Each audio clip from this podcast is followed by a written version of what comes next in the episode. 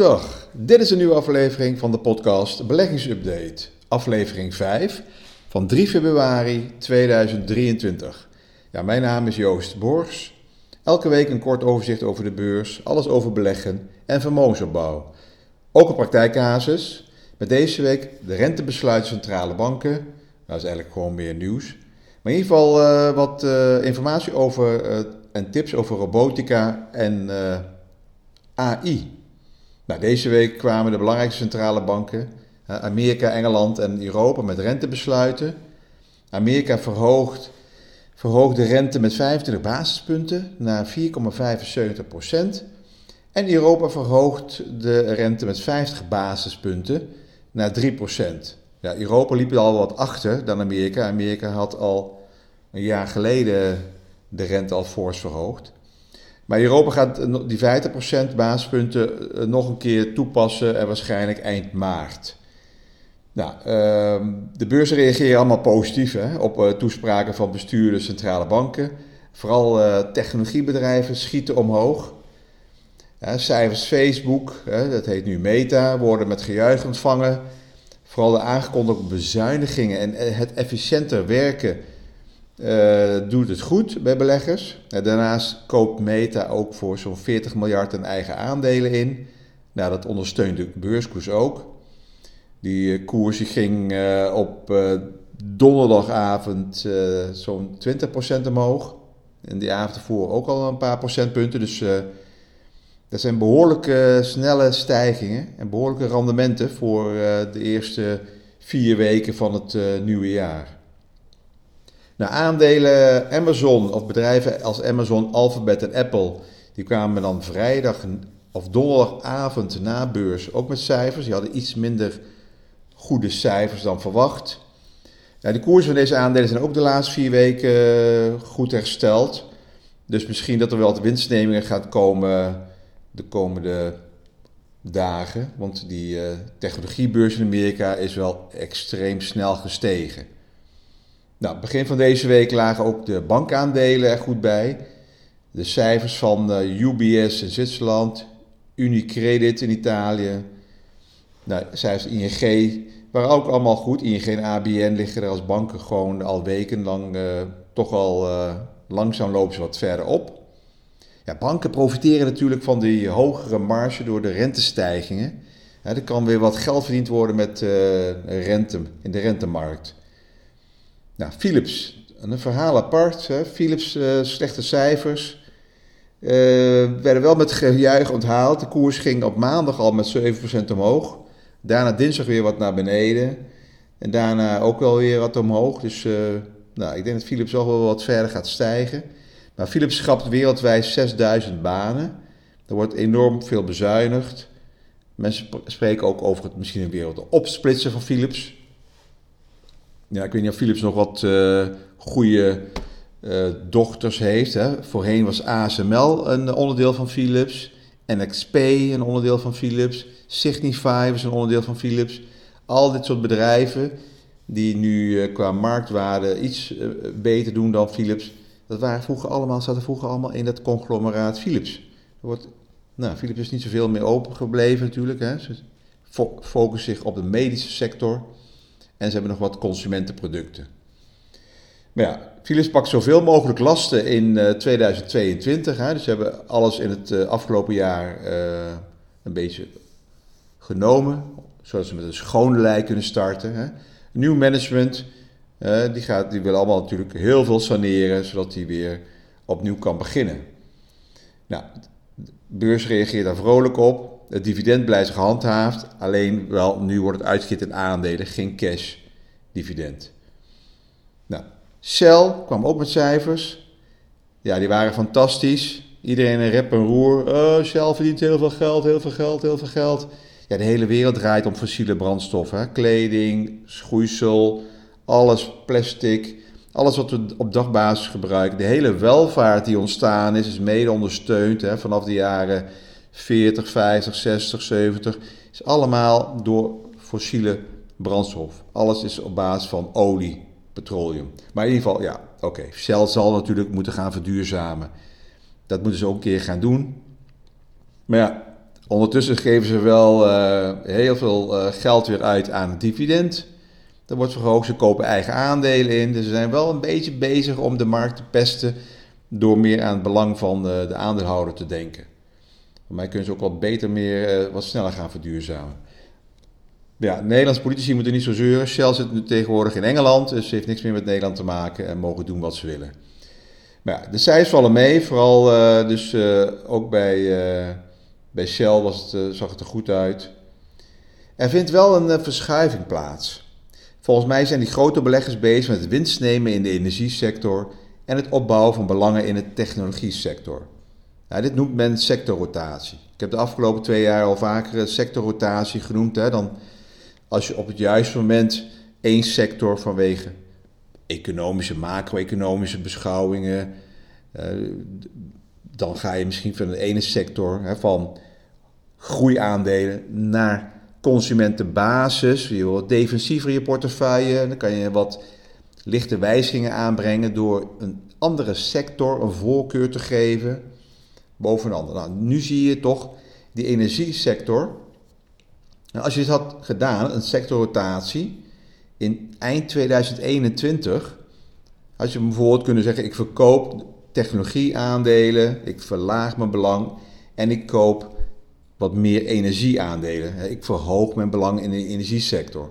Als voorbeeld, als je individuele aandelen praat, ik verkoop ASML, ASML eruit, Shell erin. Dan had je over 2022 een berengoed positief rendement behaald. Want de energiesector is ontzettend goed gegaan. En de technologiesector was erg zwak.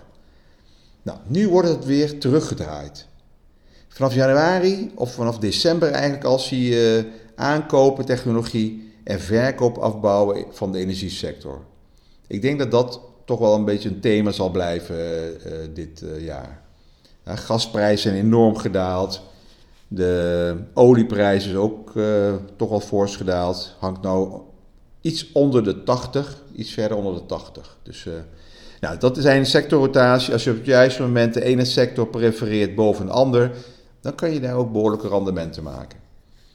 Nou, wat eh, ook me heel erg verbaast, is wat heel goed blijft gaan, is het, het Franse luxe conglomeraat LVMH.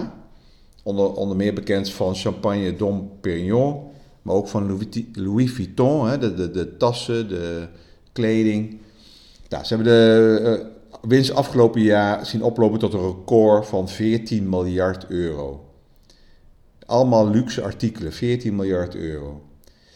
Ja, die had natuurlijk een periode dat uh, er waren zoveel economische onzekerheden, ook door corona, oorlog, uh, dat mensen toch behoorlijk uh, ja, hun spaarsaldo hadden opgebouwd. Ze zaten thuis en dachten van nou, waar gaan we het aan besteden? Laten we dan maar een heel mooi luxe, luxe tas kopen van Louis Vuitton. Dat zijn tassen die tussen de 3.000 tot 6.000 euro kosten. Als je ze kan krijgen, want vaak is gewoon een, een, ja, een waslijst. Maar LVMH heeft ook uh, horloges, manchetknopen, al soort dingen, sieraden, dat wordt allemaal uh, gekocht. Nou, die thuiszitters die zaten graag hun onbenutte restaurantbezoekjes, eten en vakantiegeld aan luxe items. Nou, op schaal en aanlever veroorzaakt vervolgens een beperkte beschikbaarheid van deze luxe dingen, waardoor de prijzen en de begeerlijkheid van deze luxe dingen verder werden opgedreven. En toen de inflatie begon op te lopen, bleken veel mensen nog snel een luxe artikel te willen kopen voordat de prijs nog hoger zou komen te liggen. Als je langer uh, wachtte, was je toch een dief van je eigen Louis Vuitton portefeuille. Zo werd er geredeneerd. En opsteker was het bovendien dat de markt voor luxe artikelen in Azië redelijk stabiel bleef, ondanks de strenge coronabeperkingen die tot voor kort in China van kracht waren. En nu die lockdowns afgeschaft zijn, de winkels weer bezocht kunnen worden, zie je dat, uh, dat in China daar weer de omzet begint toe te lopen. Ook hier in Amsterdam heb je in de PC Hoofdstraat zo'n uh, Louis Vuitton winkel, schitterende winkel. En als ik er langs fiets, want ik koop daar niks, hè, maar ik moet gewoon met mijn fiets langs, fiets door die straat om ergens anders te zijn, dan zie je er altijd een hele rij wachtende buiten, want je, de toegang is altijd beperkt tot één of twee of drie mensen in die grote winkel. Dus de rest staat gewoon keurig buiten te wachten in een uh, lijn, een Schiphol-lijn. Nou, dan zie je hoe dat is. Maar als je kijkt naar die tassen van Hermes of Louis Vuitton of een ander uh, luxe merk, die tassen die zijn vaak, hè, er is een wachtlijst van, maar het zijn hele goede beleggingen geweest. Nou, als je tien jaar geleden zo'n tas had gekocht, dan had je gewoon misschien op jaarbasis 10% rendement gemaakt. Gewoon je tas kopen, in de, in de kas laten zitten en dan uh, over 20 jaar uh, verkopen. Goede belegging. Nou, oké. Nou, hoe hebben de grootbanken, hè, veel... Uh, dus die, die, die beleggers hebben de eerste maand, hè, de eerste afgelopen vijf weken van dit nieuwe jaar, heeft, hebben de beurs heel goed gedaan. Goed rendement mogen bijschrijven. Hoe zit het nu met uh, het afgelopen jaar? Hoe hebben de vermogensbeheerders het voor hun klanten gedaan? Veel vermogende particulieren zitten bij grootbanken in vermogensbeheer. Nou, hoe hebben ze het gedaan? Er is een vergelijkingssite eh, van Investment Officer die dit bijhoudt en twee keer per jaar rapporteert. Over 2022 nemen ze een portefeuille met een neutraal profiel, uh, gemakshalve ongeveer 50% aandelen, 50% obligaties als start. Nou, hoe, uh, hoe hebben ze het gedaan? Nou, ING heeft absoluut en relatief het beste beleggingsresultaat gehaald met een neutrale beleggingsportefeuille over het jaar 2022. De bank behaalde een rendement, een negatief rendement van min 11% na kosten, waarmee de bank het bijna 3% beter deed dan de benchmark. Een, een, een, een samengestelde index die ze vergelijken, die ze gebruiken als vergelijking voor wat banken gedaan hebben. Dus relatief gezien bleef, ING, bleef behalve ING alleen van Landschot de eigen benchmark voor. De rest deden het slechter. Nou, ABN, ING, uh, in, uh, dus, dus, die investment officer vergelijkt een aantal van die banken. ABN, ING, Insinger, Rabobank en Van Landschot. En dan gaan ze, nemen ze een klant van anderhalf miljoen euro aan het vermogen. Nou, die rendementen liepen uiteen, dus wat ik net noemde ING min 11% tot ongeveer min 17,5% naar kosten. Dus je ziet er gewoon de vergelijking dat, dat, dat bij de ene bank die heeft misschien een andere keuze genomen dan de ander. Ja, die strategische assetallocatie is essentieel voor het eindresultaat. Ja, als jij de keuze maakt voor meer of minder aandelen in zo'n profiel van 50-50, dan kan je al een, uh, een ander resultaat bereiken. Nou, ING is beloond voor de voorkeur voor waardeaandelen dus, dus energieaandelen, financiële waarde. Dat komt, hè, wat, wat ik zei in het begin van het verhaal, sectorallocatie, sectorrotatie. Als je had gekozen voor energie, iets meer in de energiesector, iets meer in de financiële, iets meer in defensievere aandelen, hè, consumentenbasis, dan had je het al beter gedaan dan de index. Nou, dat is uh, dus voor uh, ING. En die hadden namelijk ook iets meer in de grondstoffen gedaan. Ook van Landschot, dat naar ING het beste absolute relatieve rendement behaalde, had een groot deel van het jaar een, een positie in, in grondstoffen. Nou, die hebben het ook goed gedaan. Nou, dus daar uh, uh, het, het wel of niet beleggen in de fossiele energiesector bepaalde dus jouw uh, te behalen rendement. En ook de wapenfabrikanten deden het goed. Het beste rendement dit jaar was eh, van een wapenfabrikant in Duitsland. Die had eh, in 2022 het beste rendement behaald. Nou, ABN had uh, opvallend is een zeer forse positie van ABN in cash. Zowel tactisch als strategisch. De bank hanteert strategisch een positie van 10% in cash. En bouwde dat in 2022 uit als 15% in de eerste jaarhelft. Nou, uiteindelijk sloot ABN het jaar af met een cashpositie van 12%. Nou, hopelijk hebben ze dat de eerste paar weken van dit jaar aan het werk gezet. Dus uh, Van Landschot had een cashpositie uh, van 6%. Nou, de, uh, dat, is, dat zijn ongeveer de, de, de verschillen. Dus je ziet, als je de, die keuze die je maakt, dat kan bepalend zijn voor het te behalen rendement. Nou, nu de volgende hype vanuit Amerika en China ik weet niet of je al hebt ingelogd, hè, is uh, de strijd om als eerste iets te doen met die AI-chatbox.